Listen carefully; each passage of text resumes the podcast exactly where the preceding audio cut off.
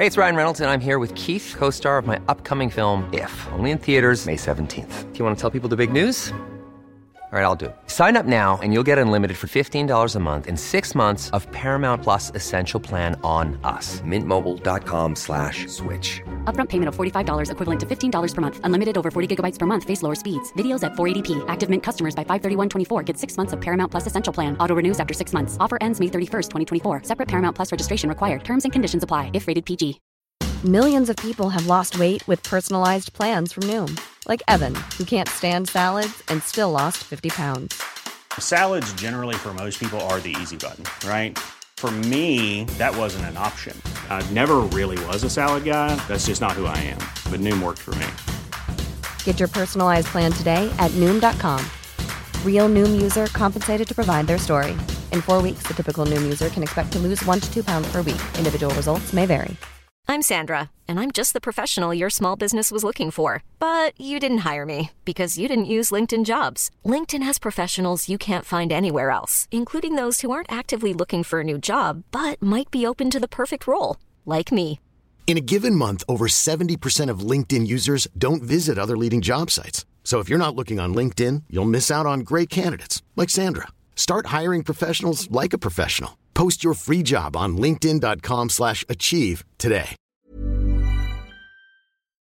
A-kursen sponsras av Destination Uppsala. Klara, vad har du på vikingar? Jag läste Röda Orm när jag var gravid och då fick jag ändå känslan av att de var hyvens. Är man skyldig någon pengar, då är det såklart den ska få sina pengar. Det låter ändå som det här sådde ett frö av intresse för vikingarna som ändå verkar liksom ligga och gro där inne hos dig. Du vill att jag ska ha mer på vikingar än Röda Orm? Jag tycker det är dags för det här fröet att börja blomma. Mm. Och för att göra det så tycker jag att du ska ta dig till Gamla Uppsala högar. Det är de här kungshögarna där man har hittat gravar från cirka år 500. Och just Gamla Uppsala var ju under vikingatiden ett politiskt och religiöst maktcentrum. Och flera av ynglingaättens kungar är förknippade med just det här området. Och i anslutning till de här kungshögarna så ligger ju också Gamla Uppsala museum. Och i deras basutställning så hittar man flera unika originalfynd från de här kungshögarna. Ja, men perfekt helg att på fredagskvällen kolla på några avsnitt av Vikings på Netflix typ och sen åka till Uppsala och liksom känna historien under fotstegen. Sen så kanske du blir liksom fikasugen, barnen kanske vill ha glass. Verkligen. Då tänker jag att ni går till Odinsborg som ligger precis där vid Kungshögarna och tar en fika. Är fikan ett arv från vikingatiden? Ja. Och vill du få ännu mer inspiration, gå in på destinationuppsala.se. Tusen tack Destination Uppsala för att ni sponsrar A-kursen. Det här är överkursen i nationalekonomi. Det vill säga hela Emmas intervju med Erik Agner som är professor i praktisk filosofi vid Stockholms universitet. Han är nationalekonom och filosof och jobbar i gränslandet mellan de två områdena. Och nu kommer ni höra honom berätta vad nationalekonomi egentligen är för något, varför ämnesområdet förtjänar ett eget pris till Alfred Nobels minne och på vilket sätt ekonomi är en vetenskap.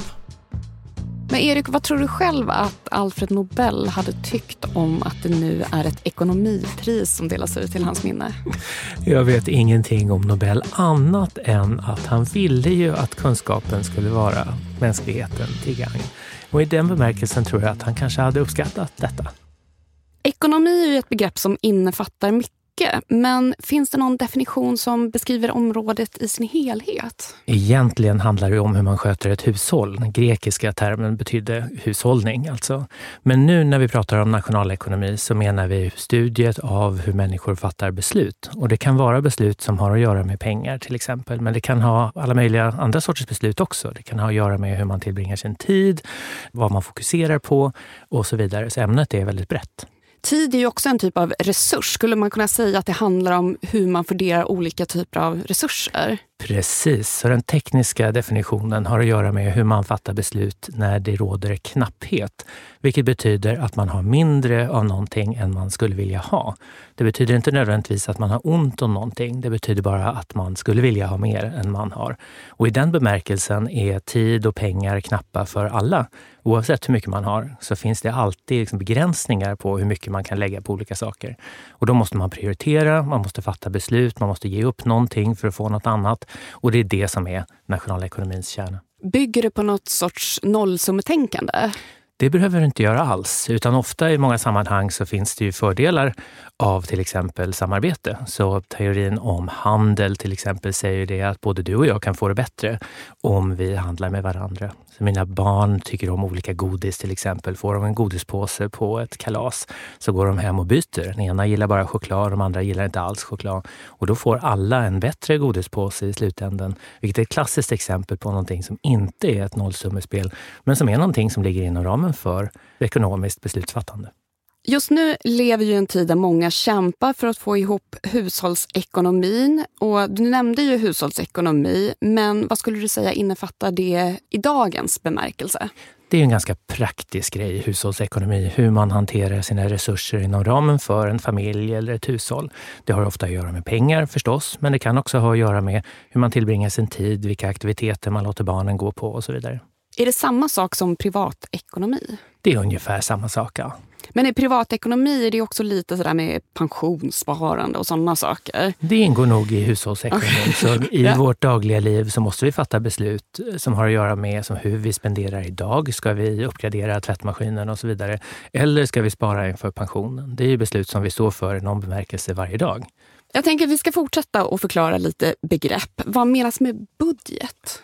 Budget i den allmänna bemärkelsen har att göra med vilket manöverutrymme vi har när vi agerar. Vad kan vi göra givet de begränsningar som vi lever inför? Så till, begränsad tillgång till resurser och tid och sådär. I en lite mer bokstavlig begränsad bemärkelse så kan det också vara en lista på inkomster och utgifter som man har som person eller i ett hushåll där man försöker få en känsla för hur man kan och ska spendera sina pengar. Vad är då nationalekonomi? Så nationalekonomi kan man ju tro alltså att det handlar om nationen och det är en av de saker som nationalekonomer studerar, sånt här som inflation och arbetslöshet och sånt. Men det finns en bredare bemärkelse som är den gängse och det är den som säger att det handlar om studiet av mänskliga val och de konsekvenser som mänskliga val kan ha på gruppnivå, inklusive då på nationsnivå. Är det samma som makroekonomi? Makroekonomi är ekonomin om stora saker, sånt här som inflation och arbetslöshet och sånt. Mikroekonomi är studiet av små saker som människors individuella beslutsfattande. Men det är lite mer komplicerat än det kan låta för mikroekonomer är också intresserade av de konsekvenser som våra individuella beslut har på den stora nivån. Och där är det klart att sånt som arbetslöshet speglar ju vad människor gör, vad politiker gör förstås, men också hur människor agerar i sitt privatliv. Det finns alltså folk som kallas mikroekonomer? Absolut. De är inte pyttesmå? Nej, de är inte större än mikrobiologer. Adam Smith brukar ju kallas för nationalekonomins fader. Och Han har ju också pratat om den så kallade osynliga handen. Vad menas egentligen med det? Den osynliga handen är en metafor som har att göra med krafter som verkar utan att vi är medvetna om dem eller utan att vi avser dem. Så Adam Smith var intresserad av ekonomisk utveckling och hur positiva saker kan hända även om varken du eller jag går omkring och tänker på att nu ska vi generera ekonomisk utveckling.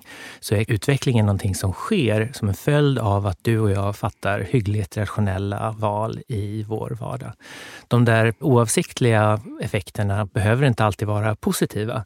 Och det är någonting som man har fokuserat på ganska mycket nu på slutet, av att det finns negativa konsekvenser, externaliteter pratar man om, som kan vara sånt som klimatförändringar. Det finns nog ingen, vad jag vet, som avsiktligt skapade klimatförändringar, men de är resultatet av handlingar som vi har utfört i våra privatliv.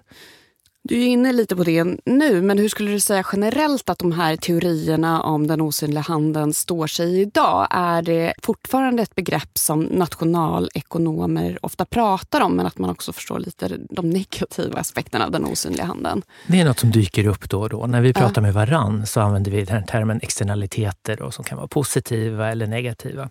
Och det är ett väldigt viktigt tema, det här att saker och ting händer i ekonomin som inte alltid förutsågs eller avsågs av någon individ, men som ändå är liksom ekonomiskt signifikant.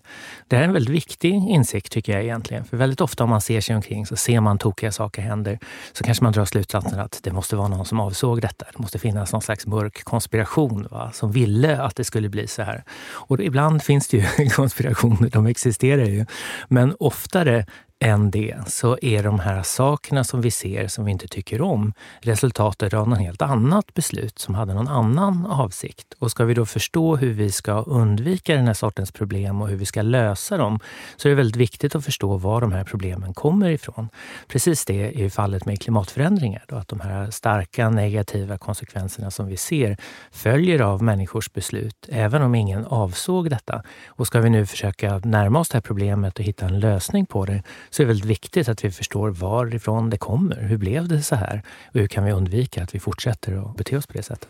Är det fel att tolka Adam Smiths teorier som ett argument mot reglering? Det används ibland som det. Tanken är så här att om man bara släpper marknaden fri så kommer liksom den osynliga, osynliga handeln ja, precis, se till så att allting blir bra. Och det finns sammanhang där regleringar är av ondo. Det är nog helt klart. Det finns många exempel på detta.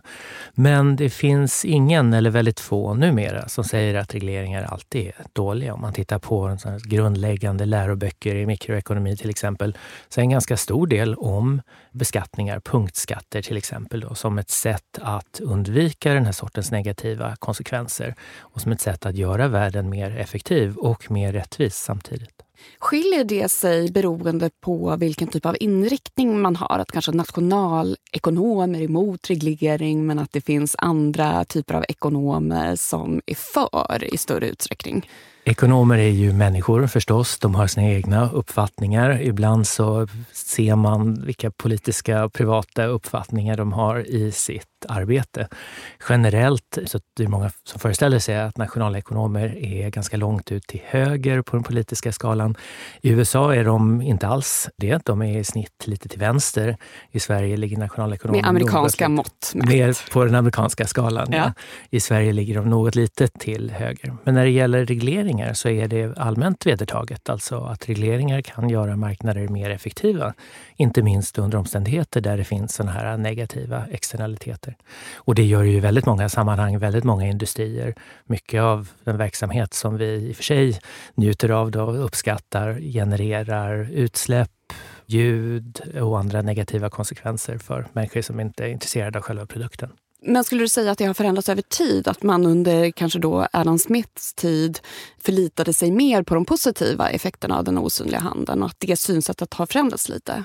Jag vet inte om man kan säga det. Även Adam Smith var medveten om olika problem med privata ekonomiska beslut. Han pratade om hur företagsledare träffas. Han skrev någonstans att så fort de träffas i ett gatuhörn så börjar de konspirera mot det allmännas bästa. Och sånt Så han var väl medveten om att fritt företagande inte alltid leder till bästa möjliga utfall för konsumenter och för nationen i stort.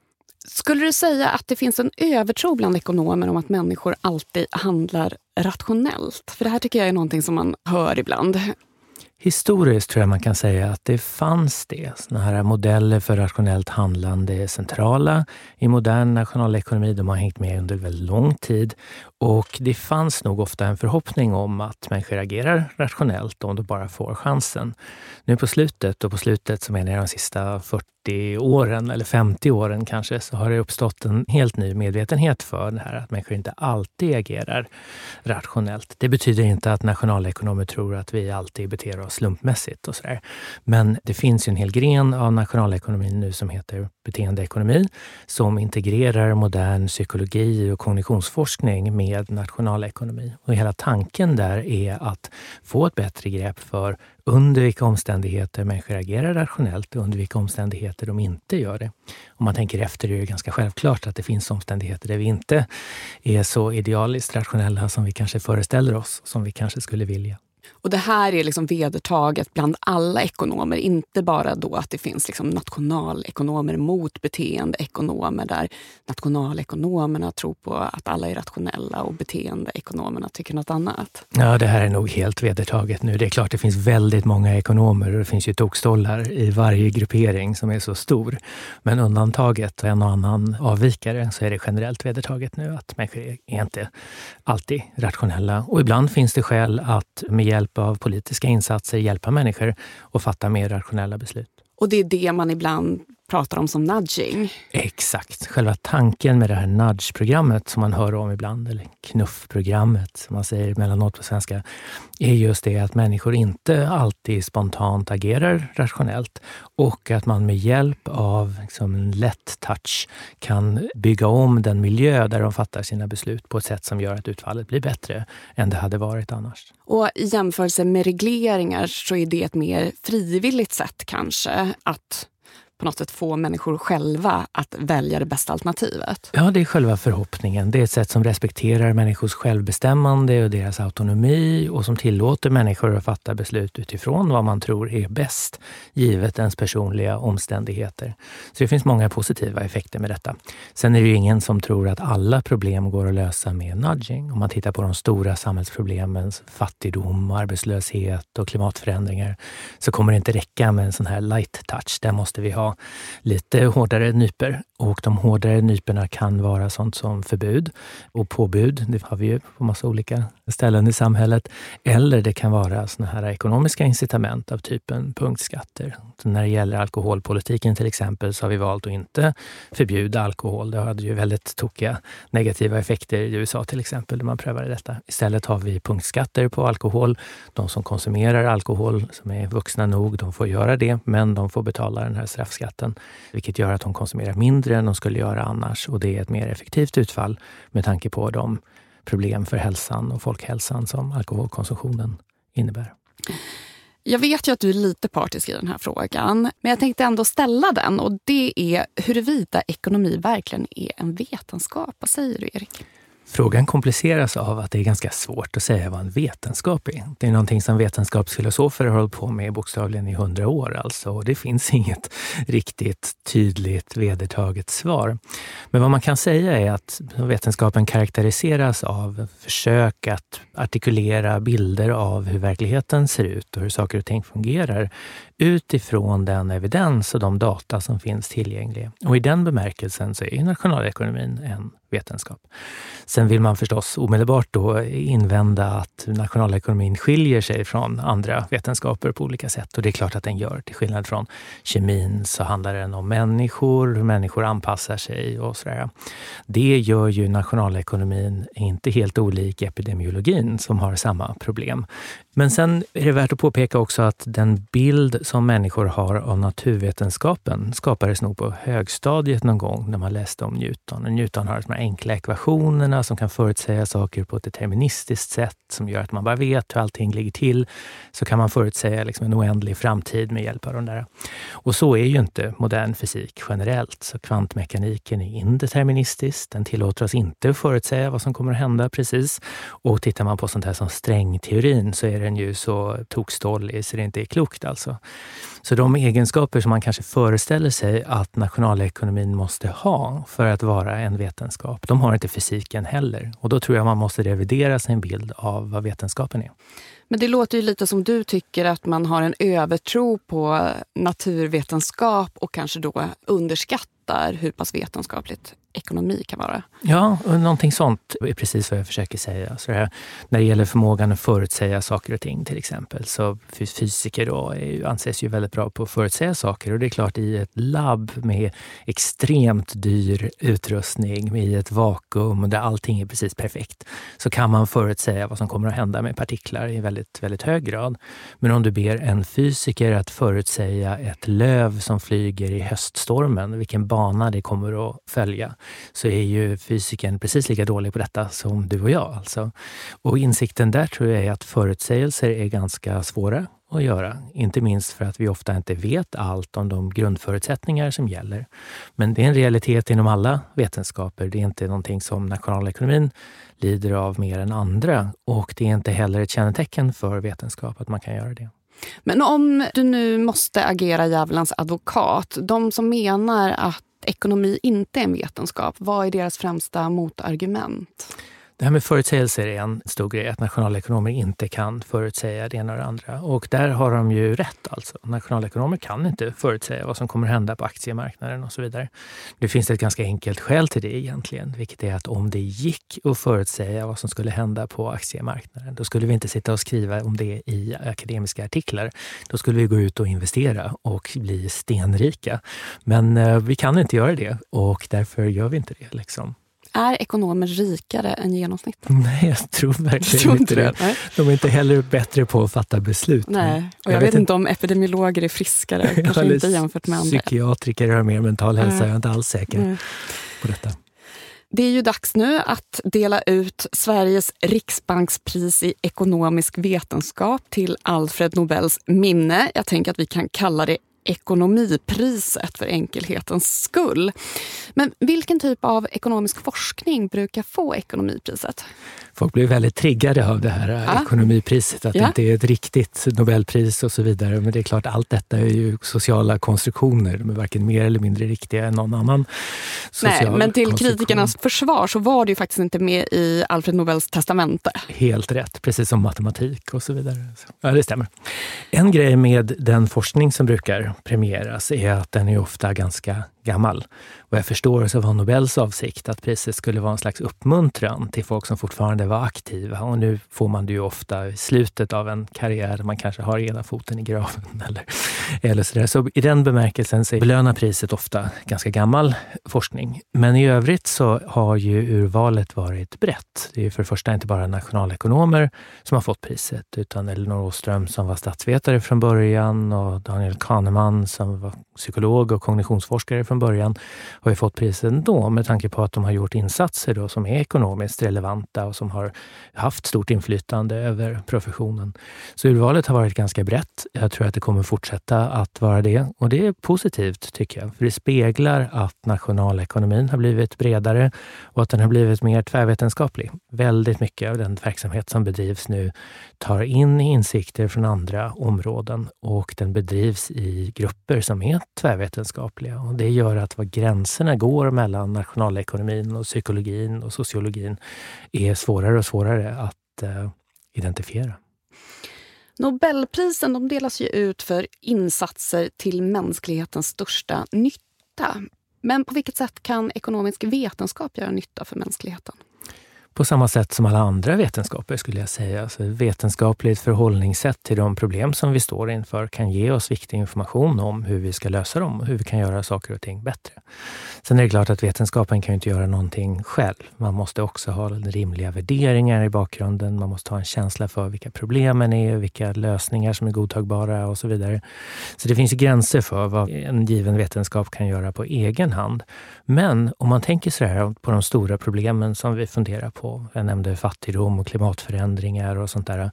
Alla de här problemen är antingen orsakade av mänskligt ekonomiskt beteende eller så är problemen sådana att varje lösning måste ha att göra med mänskligt ekonomiskt beteende. Om man tänker på det sättet så blir det ganska uppenbart tycker jag att en lösning måste ta hänsyn till den bästa kunskap vi har just om hur mänskligt beteende ser ut. Och nationalekonomin tillhandahåller sådan kunskap. Det är inte den enda vetenskapen som gör det, men den tillhandahåller det. Menar, man kan ju tänka på någonting som pandemibekämpning som vi pratade mycket om under de åren som har gått. Så att Problemet med pandemin uppstod som en följd av beteende av olika slag. Människors handel med döda djur kanske, eller deras vetenskapliga aktiviteter. Vad vet jag? Det spreds med tanke på människors beteendemönster och hur folk pendlar till och från Wuhan och hur man reser runt jorden.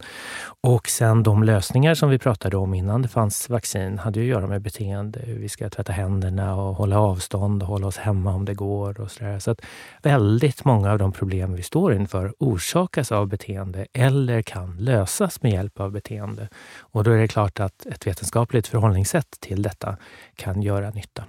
Ett skäl att tro att detta är sant är att folk har liksom intuitiva bilder av hur människor beter sig som inte alls stämmer. Och de intuitiva bilderna finns hos mannen på gatan, eller vad man ska säga, men de finns också bland forskare från andra områden. Så som beteendevetare, när jag lyssnar på vissa forskare på medicinsidan som uttalar sig om beteende så låter det oerhört naivt alltså, och ovetenskapligt. Vill vi lösa problem så måste vi göra det i ljuset av den bästa möjliga informationen. Och nationalekonomin har en roll att spela där. There's never been a faster or easier way to start your weight loss journey than with PlushCare.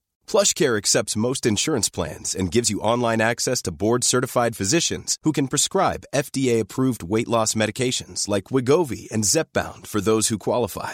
Take charge of your health and speak with a board-certified physician about a weight loss plan that's right for you. Get started today at plushcare.com slash weight loss. That's plushcare.com slash weight loss. plushcare.com slash weight loss. Hey, it's Ryan Reynolds, and I'm here with Keith, co star of my upcoming film, If, only in theaters, May 17th. Do you want to tell people the big news?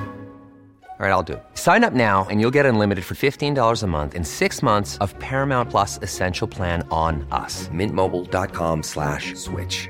Upfront payment of $45 equivalent to $15 per month. Unlimited over 40 gigabytes per month. Face lower speeds. Videos at 480p. Active Mint customers by 531.24 get six months of Paramount Plus Essential Plan. Auto renews after six months. Offer ends May 31st, 2024. Separate Paramount Plus registration required. Terms and conditions apply if rated PG. Millions of people have lost weight with personalized plans from Noom, like Evan, who can't stand salads and still lost 50 pounds. Salads, generally, for most people, are the easy button, right?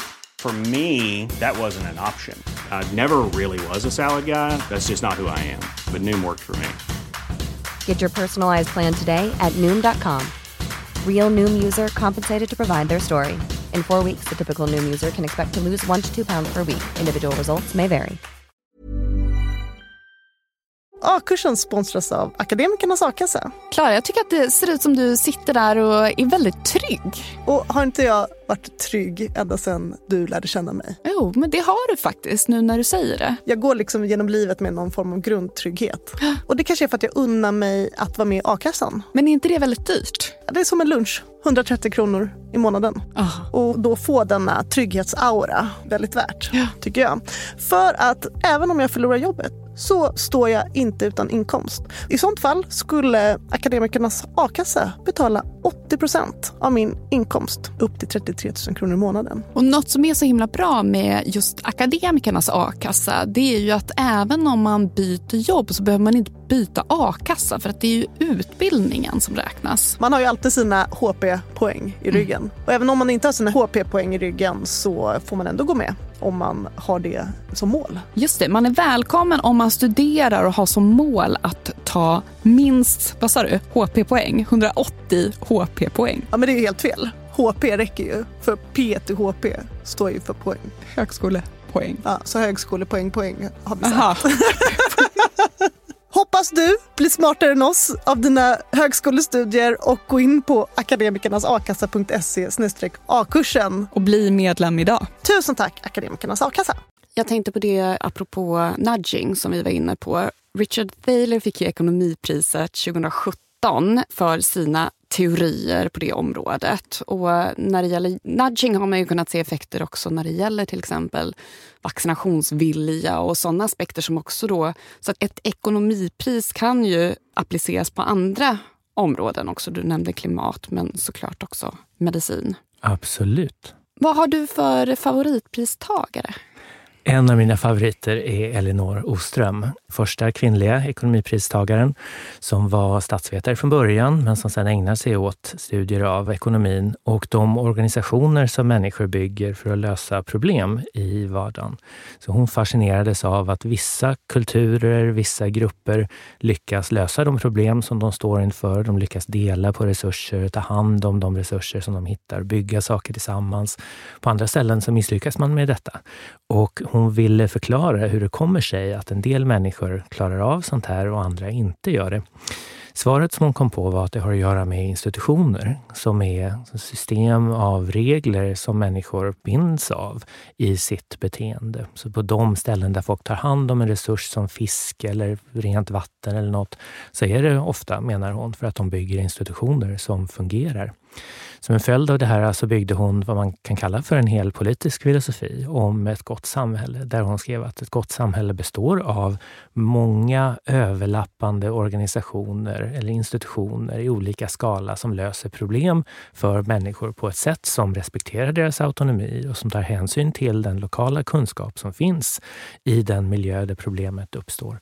Det är en väldigt tilltalande bild, tycker jag, av hur ett gott samhälle ser ut. Det beskriver i viss mån faktiskt hur Sverige fungerar. Vi har en stark stat då, internationell jämförelse, men vi har också ett extremt rikt civilsamhälle med små organisationer, hembygdsföreningar och vägföreningar, simsällskap och så vidare, som löser problem på plats på den nivå där lösningarna behövs. Och det där är väldigt viktigt, tror jag, för att förstå hur människor organiserar sig på olika sätt. Och det är också väldigt viktigt framåt, om vi vill lösa problem. Stora problem som klimatförändringar, men också mindre problem som hur vi tar hand om vattentillförseln på öar i skärgården där vattnet är begränsat och så vidare.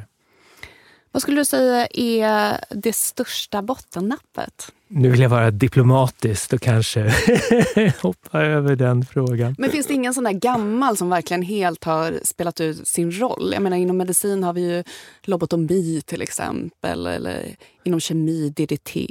Finns ja, det ingen sån? Fredspriset har ju några riktiga bottennapp ja, också. Men jag vill höra ekonomi. Verkligt misstag. Jag kommer faktiskt inte på någon. Men om Kanske jag för... nämner en dag som har fått väldigt mycket kritik, vi mm. vill se om du vill försvara eller inte. Ekonomipriset 2018 gick till William Nordhaus för hans forskning om samspelet mellan klimat och ekonomi. Och Det var ett val som fick mycket kritik. Hur ser du på den kritiken? Ja, det är relevant kritik tycker jag i stor grad. Jag tror att han fick priset delvis för att han var den som liksom satte klimatfrågan på nationalekonomers agenda. Alltså det med klimatekonomi som vi pratar om nu, studiet av klimatfrågor inom ramen för nationalekonomin. Det händer som stor mån för att han tog upp detta. Och det var ju viktigt och värdefullt. Men sen gjorde han väl, skulle jag vilja säga, några tankevurper. Så en sak som han är känd för är det här att han inte tycker att vi ska lägga så stor vikt vid framtiden som många andra tror. Det blir ju oerhört viktigt i klimatfrågan, alltså om vi betraktar framtiden som viktig. Det gäller ju vår egen framtid, vi om ett år eller i ålderdomen. Och det gäller också framtida generationer. Vad ska de få för vikt i våra analyser?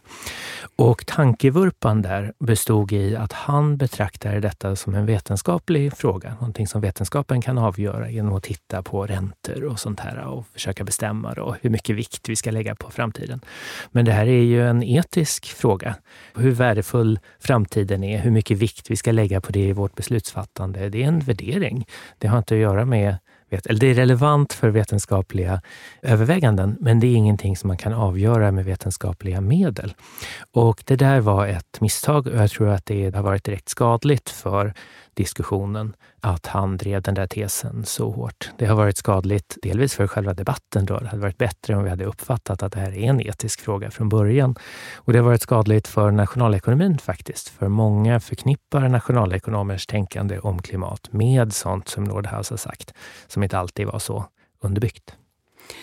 Och Det är ju annars en kritik som ekonomer ofta får, att man bygger sina teorier alldeles för mycket på modeller som kanske inte är förankrade i verkligheten. Och det är ju helt riktigt alltså. Kritiken där har ju rätt i sak. Nationalekonomer bygger modeller de är teoretiska och matematiska. De är ofta svårtillgängliga. Det tar flera år att lära sig hur de fungerar i många fall. Nu är modeller också någonting som fyller en funktion. Det finns ett skäl till att man använder matematiska modeller i ja, alla vetenskaper vad jag känner till. Statistik är ju väldigt viktigt för att ta hänsyn till den evidens som finns och så vidare. Så att det finns ett skäl till att vi använder modeller. Men problemet är, tror jag, att nationalekonomer ofta hoppar hoppar från en modell till verkligheten lite för snabbt. Så inom fysiken då, eller naturvetenskaperna så har vi som en hel ingenjörskonst, alltså hela universitet som bara fokuserar på det här hur man tillämpar kunskap på praktiska problem. Och där är det ju fullkomligt självklart alltså att om man skulle be en fysiker att bygga ett kärnkraftverk så skulle det gå åt skogen. För att det är inte tillräckligt med kunskap om fysikens grundvalar för att kunna bygga ett kärnkraftverk. Det finns ett visst know-how i detta. Inom nationalekonomin så är vi inte organiserade på det sättet. Många nationalekonomer jobbar extremt teoretiskt. De bygger såna här modeller och sen kommer någon och frågar ja, vad kommer hända med räntan här? Eller hur ska vi eh, bygga vårt nya liksom, sjukvårdssystem? Och så levererar de ett svar. Fast att det är mycket svårare. Det här steget från modell till verklighet är mycket svårare än så. Och det är någonting som vi inte uppmärksammar i vårt individuella beslutsfattande som nationalekonomer. Och det är någonting som inte speglas i våra organisationer. Man kan disputera i nationalekonomi och sen omedelbart få ett jobb på Världsbanken eller Riksbanken där man har ansvar för liksom riktiga beslut som påverkar människors liv. Och det där tycker jag vi borde lägga mer uppmärksamhet på. Men till då Nordhaus försvar så var han väldigt tidig med just det här att undersöka samspelet mellan klimat och ekonomi. Klimatekonomi, visst är det också en särskild inriktning? Det tänker jag att det har att göra med liksom, ekonomiska perspektiv på klimatet. Och det är ju de här frågorna som vi har pratat om, alltså hur klimatförändringar uppstår som en följd av ekonomisk aktivitet och i vilken mån ekonomisk politik bland annat då, kan hjälpa människor att lägga om sitt beteende på ett sätt som gör att vi löser problemet eller i alla fall gör det lite mindre allvarligt. Och är det en relativt ny inriktning? Ja, som disciplin eller underdisciplin har det inte funnits så himla länge. Om vi då pratar lite om den pågående debatten så gäller det såklart inte bara ekonomer. Vi epidemiologer kunde inte förutsäga exakt hur det skulle gå med corona pandemin, Men ekonomer får ju ofta kritik för att de inte lyckas förutsäga den ekonomiska utvecklingen. Vad beror det här på? Det första man ska påpeka är att det är svårt att förutsäga saker och ting. Så seismologer till exempel skulle väldigt gärna vilja förutsäga när nästa stora jordbävning kommer att inträffa i Kalifornien. Enorma värden, mycket välstånd står på spel. Men de kan inte det och det är inte för att seismologin är en dålig vetenskap. Det är för att förhållandena är sådana att det är väldigt svårt att förutsäga. Sen har ju alla vetenskaper som hanterar mänskligt beteende andra problem. Och det är ju så här att om någon ställer sig upp och säger att nu kommer det att gå åt skogen och vi inte gör något annat, då kommer folk att anpassa sig till den här nya informationen och då kommer något annat att hända än det som hade hänt annars. Samma problem uppstår ju inom epidemiologin. Om någon säger att nu kommer 90 000 människor att dö om vi inte gör något, då kommer folk lägga om sitt beteende och sen kommer utfallet att bli ett annat. Men det är inte nödvändigtvis för att förutsägelsen var dålig. Det är bara det att människor är dynamiska och de ändrar sig i ljuset av ny information. Så att nationalekonomer är dåliga på att förutsäga saker som aktiemarknader och sånt här, det tror jag faktiskt är någonting man ska förvänta sig. Och det är ett slags vetenskapligt resultat. Det finns liksom en teori om varför nationalekonomer är dåliga på detta. Sen tror jag också att det fanns en bild för länge sedan om att vetenskapen måste kunna förutsäga saker och ting för att vara vetenskaper. Och då tänker man på Newtons mekanik kanske, att ah, vi kan förutsäga vad månen kommer göra nästa vecka. Och sådär. Men den bilden av vad vetenskapen är går inte att upprätthålla. Den måste man överge. Många stora delar av fysiken kan inte förutsäga någonting på något vidare meningsfullt sätt. Det är inte det som är vetenskapens kärna. Jag tror att vetenskapens kärna har att göra mer med hur man bygger modeller, teorier och bilder av hur verkligheten fungerar i ljuset av evidens och data som man genererar på olika sätt. Och I den bemärkelsen då så är det en vetenskap även om man inte kan förutsäga vad du kommer att äta till lunch. Och det här är inte första gången människor blir arga på ekonomer för att de inte kan förutsäga olika ekonomiska kriser. Det hände ju också vid finanskrisen 2008 till 2009. Tycker du att den kritiken också var orättvis? Jag tycker att kritiken är, alltså det stämmer ju att nationalekonomer inte hade förutsett den och att de inte hade varnat för den med den tydlighet de borde ha gjort. Men vi kan inte förvänta oss att nationalekonomer ska förutsäga problem på det sättet. Vad nationalekonomer kan göra ofta är ju identifiera riskfaktorer på samma sätt som läkare kan inte förutsäga exakt vem som kommer att få lungcancer, men de kan säga att här finns några riskfaktorer. Rökning till exempel, asbest och så vidare. Och i den bemärkelsen är det nog värt att lyssna på nationalekonomer, även om de inte kan förutsäga precis när det kommer att bli kris igen. För i Sverige har man ju till exempel varnat väldigt mycket för att människor är skuldsatta och att det har varit väldigt höga bostadspriser. Så att de har ju ändå haft lite rätt, eller vad tänker du? Jo, nej, men det är ju alldeles riktigt. Det är ju en riskfaktor det här att folk har så stora lån. Det betyder att man är känslig för räntehöjningar. Har man begränsade inkomster då, så kanske man inte klarar av sina lån. Och vad man är rädd för förstås är en slags dominoeffekt där några människor förlorar jobbet, inte kan betala sina bolån, blir tvungna att sälja och att det kan ha liksom negativa konsekvenser över ganska lång tid. Just nu lever vi ju också i en global ekonomi. Innebär det att det blir svårare eller lättare att förutsäga den ekonomiska utvecklingen? Det kan nog gå åt båda hållen, tror jag. En sak som det betyder är ju att statens handlingsutrymme är lite begränsat. Så energimarknaden till exempel. Det har varit mycket prat om elpriserna de sista åren här och det är klart att det är ju ett stort problem. Men nu har vi också en marknad som sträcker sig över en ganska stor del av Europa och det gör att vad den svenska regeringen tar sig för kommer att ha begränsad effekt för lösningen. I den mån man bygger mer kärnkraft och så vidare. Om den där elen går till försäljning till den som betalar högst på kontinenten, ja, det betyder betyder inte att det kommer finnas mer billig energi i Sverige nödvändigtvis. Och det är ju inte ett problem för nationalekonomin så mycket som det är ett problem för svenskarna. Kommer ekonomer i framtiden bli bättre på att förutsäga olika ekonomiska kriser? Jag tror inte det. Nej, jag har inga sådana förhoppningar. Nej. Och skälet är lite det här att om vi klurade ut hur vi kunde förutsäga någonting, då skulle någon använda den informationen för att tjäna pengar på den istället för att publicera den i akademiska tidskrifter. Och då skulle alltså förutsättningarna skulle förändras som en följd av detta. Jag tror att det finns gränser för i vilken mån vi kan förutsäga människors och ekonomins beteende. Och även om man inte kan förutsäga kriserna kan ekonomerna hjälpa oss att komma på hur vi ska hantera kriser på bästa sätt? Ja, nej, men det tror jag absolut. Det här med riskfaktorer för kriser, det är ju en viktig poäng. Alltså det kan man ju vara uppmärksam på. Och sen kan ju nationalekonomer studera vad man kan göra i ljuset av kriser. Så man kan titta på hur olika regeringar svarar på såna här äh, chocker, sånt som händer.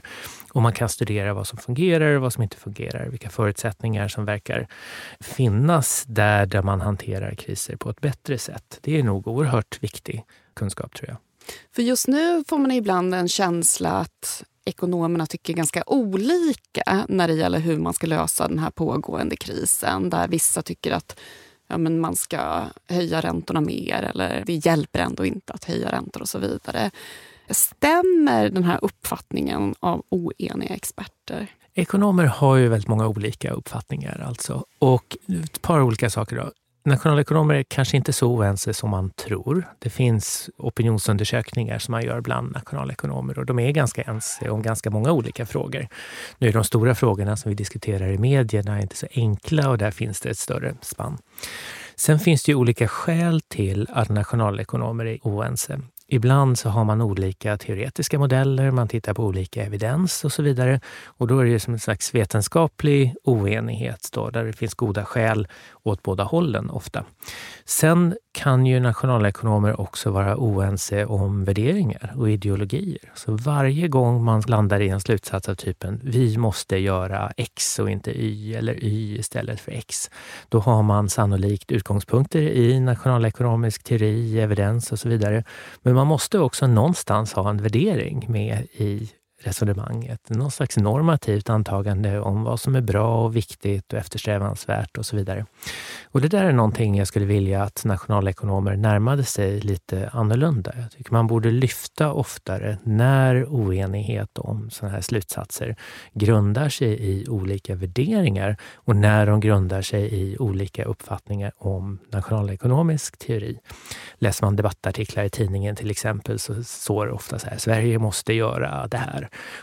Och så kanske det inte framgår då vad författaren har för värderingar egentligen. Ibland kan man läsa sig till det beroende på var de är anställda någonstans. Är de fackliga ekonomer eller jobbar de på Timbro, ja då får man en bild av vad det är för värderingar som driver dem. Men det där är ett gissel. Alltså, vi nationalekonomer borde vara väldigt mycket tydligare med vilka våra värderingar är och hur de påverkar våra slutsatser.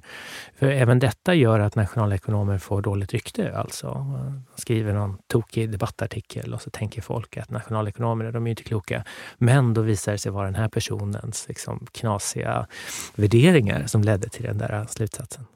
Men om vi tittar på den pågående diskussionen om då ränteläget eller hur vi ska komma ut ur den här ekonomiska situationen som är tuff för många människor och bortser från de som faktiskt är experter. Vad tycker du annars om den här diskussionen? Tycker du det är bra att människor intresserar sig för de här frågorna och att ekonomi diskuteras i offentligheten? Det är väl toppen att de här frågorna diskuteras på ett explicit sätt och att man lyfter den input som liksom ett vetenskapligt förhållningssätt kan bidra med. Sen är det ofta så i debatter att de verkliga experterna lyser med sin frånvaro. De som dyker upp kanske presenteras som ekonomer, men då visar de sig ofta vara anställda av banker. De kanske är privatekonomer, de kanske är säljare, de kanske säljer en produkt. Det kanske är företagsekonomer eller marknadsförare eller precis vad som helst alltså som framstår som ekonomer. Och då får man inte det här mer vetenskapliga liksom nationalekonomiska perspektivet. Sen finns det skäl till att nationalekonomer ofta inte är med i debatten. De seriösa forskarna är ofta mer tveksamma i sina slutsatser. De kanske inte får sitta i tv-soffan för det blir inte lika bra tv. Och sen är man lite blygsam. Det finns ganska få incitament också för seriösa nationalekonomer att delta i debatten. Där skulle man kunna göra en ganska stor insats tror jag med att uppmuntra de som kan något om de här frågorna att delta lite mera och kanske inte ge de här charlatanerna så mycket utrymme som de får. Skulle du säga att det finns några vanliga missförstånd bland liksom allmänheten när det gäller de här frågorna? Jag tror att många människor föreställer sig att nationalekonomer alltid är för avregleringar och privatiseringar och sånt där. Och det stämmer att i vissa sammanhang så är de för det. Men när det gäller sånt här som skolmarknaden till exempel så är det ju klart för alla, varje seriös nationalekonom att det är ju ingen riktig marknad. Vi har en situation där staten tvingar folk att betala skatt. Man använder våldsmonopolet för att se till så folk pröjsar. Och sen tvingar man barnen att gå i skolan. Man använder våldsmonopolet för att se till så att de konsumerar den här tjänsten. Sen råkar man vara kompis med de som driver friskoleföretagen. De är ofta före detta politiker. Och så tar man pengarna som staten har tillskansat sig med våld och ger dem till sina polare vars kunder då kommer till dem också med våld. Ingenting av detta liknar ju liksom en ekonomisk marknad. Och där finns det, tror jag, viss kunskapsbrist. Tack Erik Agner för att du vill vara med i vår podd och tack för att just du har lyssnat. Hoppas vi hörs igen om en vecka då jag, Clara Wallin och Emma Frans är tillbaka med en ny A-kurs och överkurs. Hej då!